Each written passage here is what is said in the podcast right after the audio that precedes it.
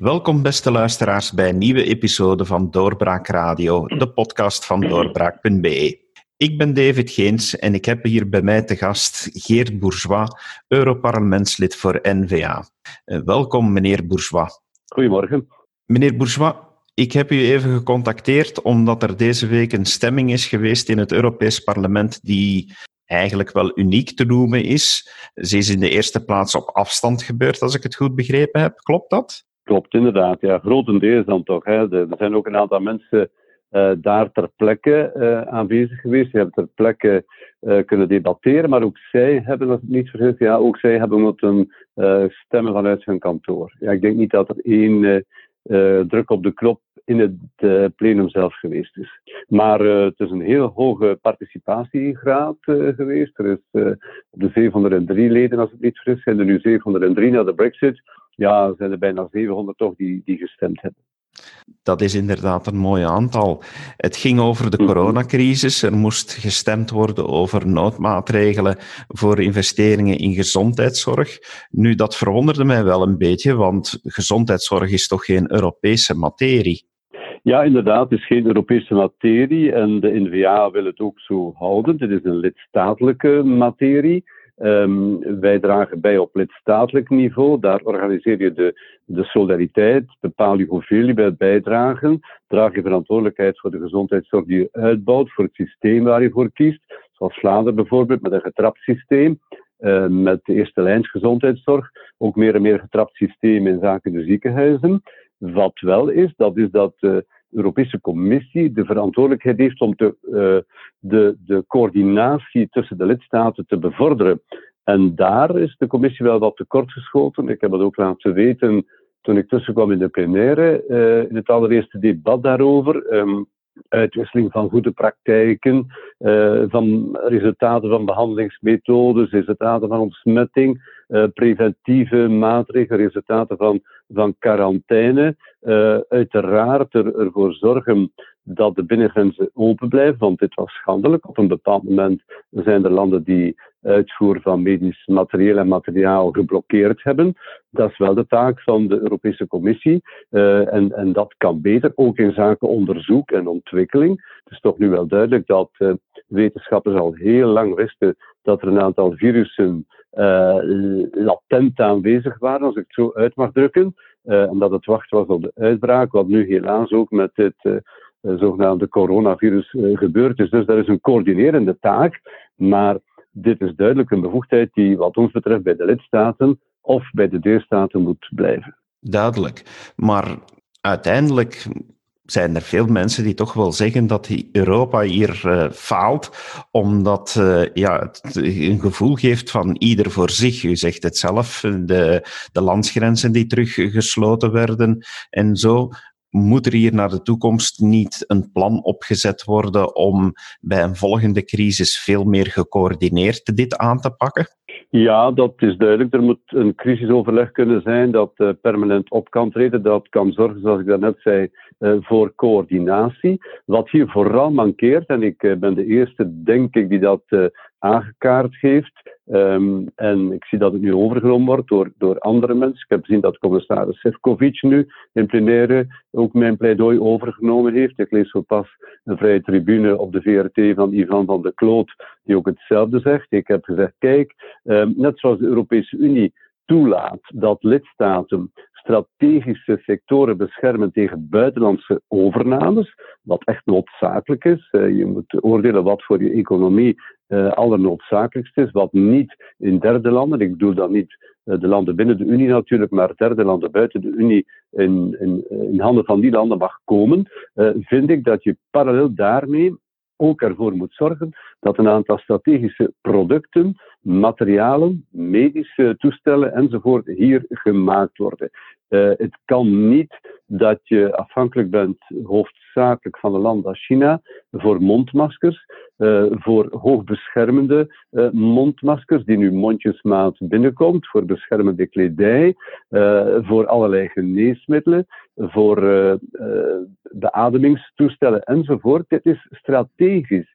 We zijn met een klein half miljard mensen en uh, ja, ik heb geschreven in mijn vrije tribune op doorbraak, dat het normaal te verwachten valt dat in de toekomst om allerlei redenen, dat kan oorlog zijn, dat kunnen zware handelsconflicten zijn, dat de toevoerlijnen afgesneden worden. Ja, dan staan we daar. Dan stel je vast dat een hoogontwikkelde samenleving als de Europese Unie er niet in slaagt om uh, in, in, zelfvoorziening te doen uh, voor die materialen. Ik zie nu dat op het terrein daar ook koortsachtig werk van gemaakt wordt.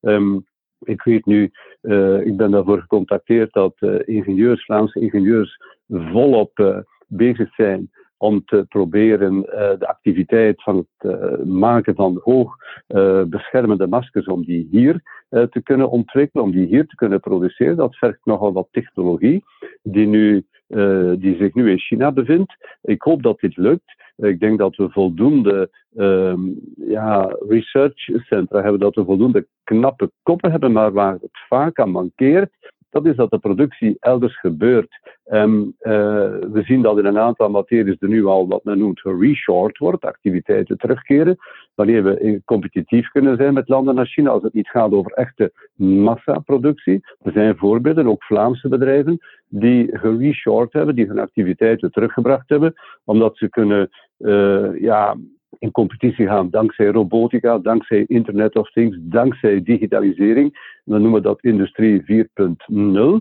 Um, voor massaproductie ligt dat moeilijker. Wel, mijn punt is dat de EU uh, eh, desnoods steun moet geven. Dit is ook mogelijk. Je kunt daar staatssteun voor geven om zaken die normaal massaproductie vergen. Ik denk dat mondmaskertjes maken, dat dat altijd goedkoper zou blijven in lage loonlanden dan bij ons. Wel nu, ik vind dat we daar uh, desnoods staatssteun voor over moeten hebben om dat hier te produceren. Het kan niet dat we daarvoor afhankelijk zijn van derde landen. Het was al genoeg dat we uh, ja, zoveel moeten mobiliseren, zoveel goede, gelukkig zijn zoveel goede krachten moeten mobiliseren om uh, de corona aan te pakken in de ziekenhuizen, in de zorg, uh, preventie, noem maar op, zonder dat we ons nog zorgen moeten maken over de uh, aanwezigheid, voldoende voorraad van een aantal producten. Ik denk dat dit één van de belangrijke lessen is die de Europese Unie daaruit moet, uh, moet trekken. Uh, ik heb er ook over een schriftelijke vraag gesteld aan de Europese Commissie. Dit is voor mij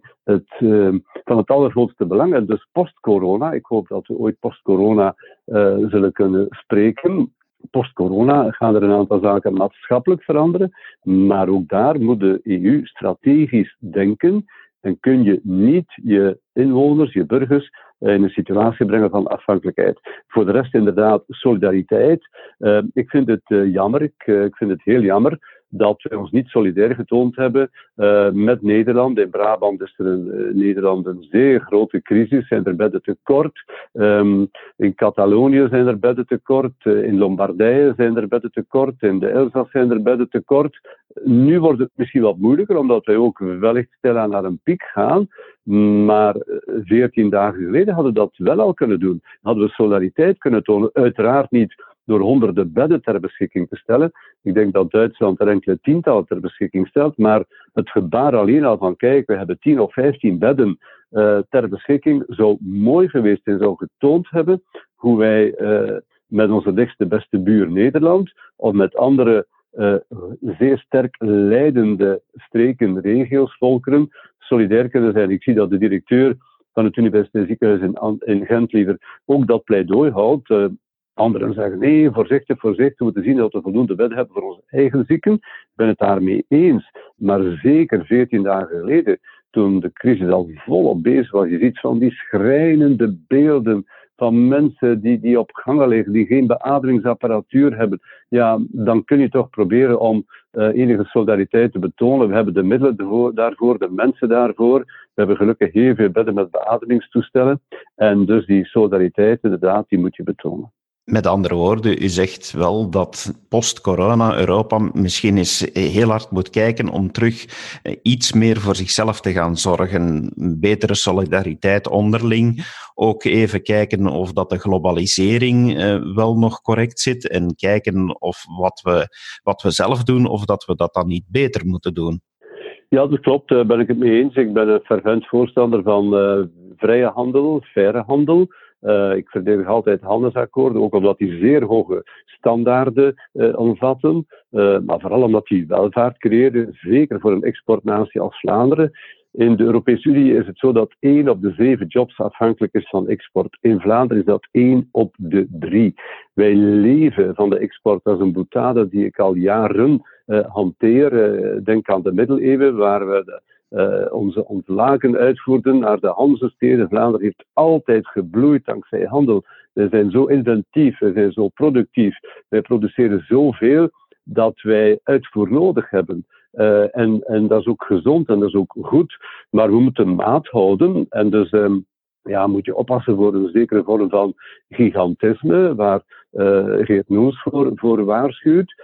Maar moet je ook, zoals ik zei, zien waar de waar de, de, de, de gevaarlijke, de, de, ja, de niet aanvaardbare uh, kantjes daarvan zitten. En dus als je zo afhankelijk bent uh, uh, in zaken zulke strategische goederen van derde landen, waar je niet zeker kunt van zijn, uh, vandaag niet, in de toekomst niet, dan moet je daaruit conclusies trekken. En moet je zeggen, het is in ons belang om zelf die, die productie hier te hebben. Uh, dat, is, dat is wat mij betreft uh, heel duidelijk. Ik vind ook dat er strategische stocks moeten zijn. Je kunt daar perfect rollende stocks van maken. Dat is wat, wat hier in België niet is gebeurd. Ik heb begrepen dat de grote stok van mondmaskers ja, kapot gegaan was en dat die dan maar vernietigd is. Terwijl je voor een rollende stok moet zorgen natuurlijk als zo'n maskers een bepaalde levensduur hebben. Wel, um, zorg dan dat ze gebruikt worden terwijl ze nog goed zijn. En zorg dat er een nieuwe stok aangelegd wordt ook daar zitten wij, net zoals in onze industrie, met rollende magazijnen. Het is just-in-time delivery. Ik vind ook dat onze bedrijven daar conclusies uit moeten trekken. Dat ook zij moeten zorgen dat ze voldoende voorraad hebben. Die, die, die toeleveringsketen, die supply chain, uh, kan ervoor zorgen dat je, dat je na enkele dagen al niet meer kunt produceren. Ook al heb je zelf nog alle mogelijkheden, voldoende mensen uh, om te werken. Maar we zijn zo afhankelijk van een totale grote keten, dat je ook moet nadenken, denk ik, over het aanleggen van voorraden. We hebben strategische voorraden voor olie. Waarom moeten we die niet hebben in de medische sector? Dat is even strategisch voor mij. Heel wat om over na te denken. Ik ga even terug naar uh, waar we in het begin over aan het praten waren, namelijk die stemming mm -hmm. in het Europees Parlement. Die ging over het vrijmaken van 37 miljard euro aan fondsen. Nu, heel opvallend is dat u en uw twee collega's in, uh, in de, ja, als uh, N-VA, Europese parlementsleden, dat jullie zich onthouden hebben. Mag ik vragen waarom dat gebeurd is?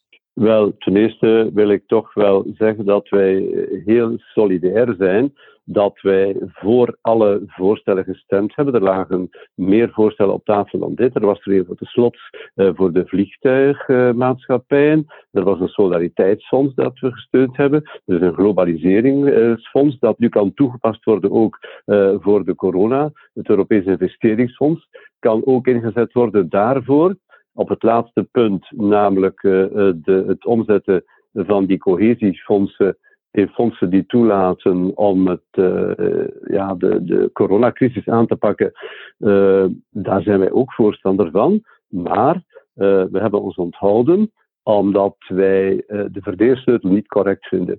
Die, daar zitten we trouwens, dat is ironisch, hè, mee op het standpunt van de Belgische regering. De Belgische regering heeft zich onthouden op dat punt. En terecht ook, omdat wat is er gebeurd? Er zijn cohesiefondsen die ervoor dienen, die moeten aangewend worden om uh, ja, regio's die minder dan het gemiddelde scoren, om die vooruit te helpen. Dat systeem bestaat al jaren. Elk jaar zijn er fondsen die niet aangewend worden, omdat die absorptiecapaciteit van een aantal landen of een aantal regio's ja, te klein is, of omdat ze onvoldoende werk van maken. En wat gebeurt er dan? Die fondsen gaan terug naar het EU-budget. Het gaat hier nu concreet over 8 miljard euro, dat dan als hefboom dient om in totaal 37 miljard euro investeringen te kunnen doen. Ja, dan hebben wij gezegd, prima, we zijn daar voorstander van, dus we hebben er ook niet tegen gestemd. Uh, we zijn daar voorstander van, maar zorg dan dat je een ander verdeersel toepast dan alleen uh, focussen, meeste geld laten gaan naar economisch achtergebleven regio's, die vaak niet de meest getroffen regio's zijn. Kijk naar Italië, Lombardije, de meest welvarende regio van Italië is hardst getroffen daardoor. Waarom is Vlaanderen onderbedeeld binnen België, we krijgen 5 miljoen, Wallonië krijgt 25 miljoen. waarom moet er minder geld naar Vlaanderen gaan? We moeten even hard inzetten op het bestrijden van die coronacrisis. Die middelen kunnen aangewend worden voor drie doeleinden. Voor medische doeleinden, corona. Twee, voor ondersteuning van getroffen werknemers. We hebben ontzettend veel Vlaamse werknemers die getroffen zijn hierdoor. En drie, voor het ondersteunen van het bedrijfsleven. Dus we hebben heel rationeel gestemd, zonder te zeggen dat we uh, tegen zijn. Het omgekeerde is waar. We zijn uh, voor. Uh, we hebben dat met een genuanceerde stemverklaringen gedaan. Um, en ik begrijp dus niet dat daar enige heisa over ontstaat. ik heb gelezen dat een krant dit een historische stemming noemt. dat is ja moeten oppassen met dat soort adjectieven. Hè. Het is een heel belangrijke stemming geweest. Zoals u zei, het was ook uniek in die zin dat het um, de eerste keer was dat we op afstand uh, gestemd hebben. Uh, maar uh, solidariteit, en ik ben 100% voorstander van solidariteit en, en aanpak van de crisis, moet niet beletten dat je nog altijd rationeel moet nadenken. Ik heb nog geen enkel argument gehoord waarom de verdeelsleutel voor, die, voor de bestrijding van corona dezelfde moet zijn als die voor de cohesiefondsen. Dus dat is het. Uh, ik begrijp de heisa daaromtrent niet. Laat ons uh, veel beter met z'n allen die, die zaak aanpakken en zorgen dat we zoveel mogelijk nuttige maatregelen in, in lijn brengen. Zorgen dat we onze zieken kunnen verzorgen, dat we ons maatschappelijk organiseren, dat we daar ook wellicht maatschappelijk lessen uittrekken voor, voor de toekomst. Ik, ik denk dat we, nu we op onszelf aangewezen zijn, gezinnen die op op zichzelf moeten terugplooien, ja, dat we de waarde beginnen te ontdekken van sociale contacten. We zoeken alle mogelijke manieren om dat te doen. Uh, we skypen met onze kleinkinderen, met, met, met, met vrienden die we niet meer kunnen bezoeken. We zoeken een manier om contact te hebben met onze mensen die in de, in de, in de zorgcentra zitten, met mensen die alleen wonen. We helpen ook wat. Er zijn heel veel mooie dingen die, uh, die ontstaan nu um, en waar we, denk ik, uh, in de toekomst nog over uh, moeten nadenken. Wat kan gebeuren om te zorgen dat er een zekere solidariteit is, dat we weer omgaan ja, met leren op afstand, dat we weer omgaan met uh, uh, videoconferenties enzovoort, uh, waarbij we ons minder gaan verplaatsen met z'n allen, telewerk. er zijn heel veel zaken die, hoop ik, niet eendags gebeurtenissen zullen zijn, eendagsvlinders zullen zijn, maar die we die we verder kunnen doortrekken. Het beperken van de globalisering, zoals ik daar straks uit tegenzet heb. Dat zijn allemaal zaken waar we lessen uit kunnen trekken. Maar uh, ja, ik, ik, uh, de, de heisa vanuit, vanuit een, ja, een bepaald. Ik, ik, heb, ik heb enorm veel mensen op, op, op mijn, op mijn Twitter-account heb ik verborgen gemaakt, zodat ik ze niet meer moet lezen. De bagger die je over je heen krijgt, de scheldpartijen, alsof je niet solidair bent. Man, man, man. Dat is, het is juist omgekeerd. Wij, wij zijn zeer solidair. Ik wil ook die solidariteit nog versterken, nog verbeteren.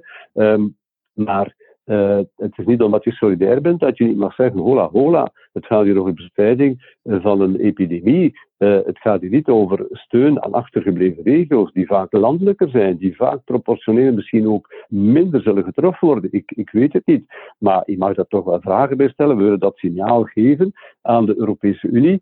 En dat is een signaal om te zeggen, kijk, als zich dat nog eens voordoet, zorg dat je klaar bent met fondsen die op een correcte manier kunt uh, gaan uh, gaan, gaan toebedelen aan, aan de meest getroffen misschien. Hè. Ik heb er ook geen bezwaar tegen dat men dat doet, alhoewel ik vrees dat iedereen vroeger of later op, een, op een even intense manier zal, zal getroffen worden. Meneer Bourgeois, hartelijk dank voor deze uitleg. We leren eruit dat u eh, zegt dat er dringend moet gekeken worden om de solidariteit correct te zetten. Zeker wat betreft ook de verdeling van de fondsen, maar ook de onderlinge solidariteit tussen de lidstaten. Heel duidelijk waarom jullie eh, jullie standpunt hebben ingenomen. Beste luisteraars, we hopen dat u er ook veel uit geleerd heeft. En we nodigen jullie zeker uit om opnieuw aanwezig te zijn bij een volgende episode van Doorbraak Radio. Dankjewel en tot een volgende keer. Dag. Dit was een episode van Doorbraak Radio, de podcast van doorbraak.be. Volg onze podcast op doorbraak.be/slash radio of via Apple Podcasts, Overcast of Spotify. Bezoek ook onze website op doorbraak.be en steun ons door een vriend te worden van Doorbraak.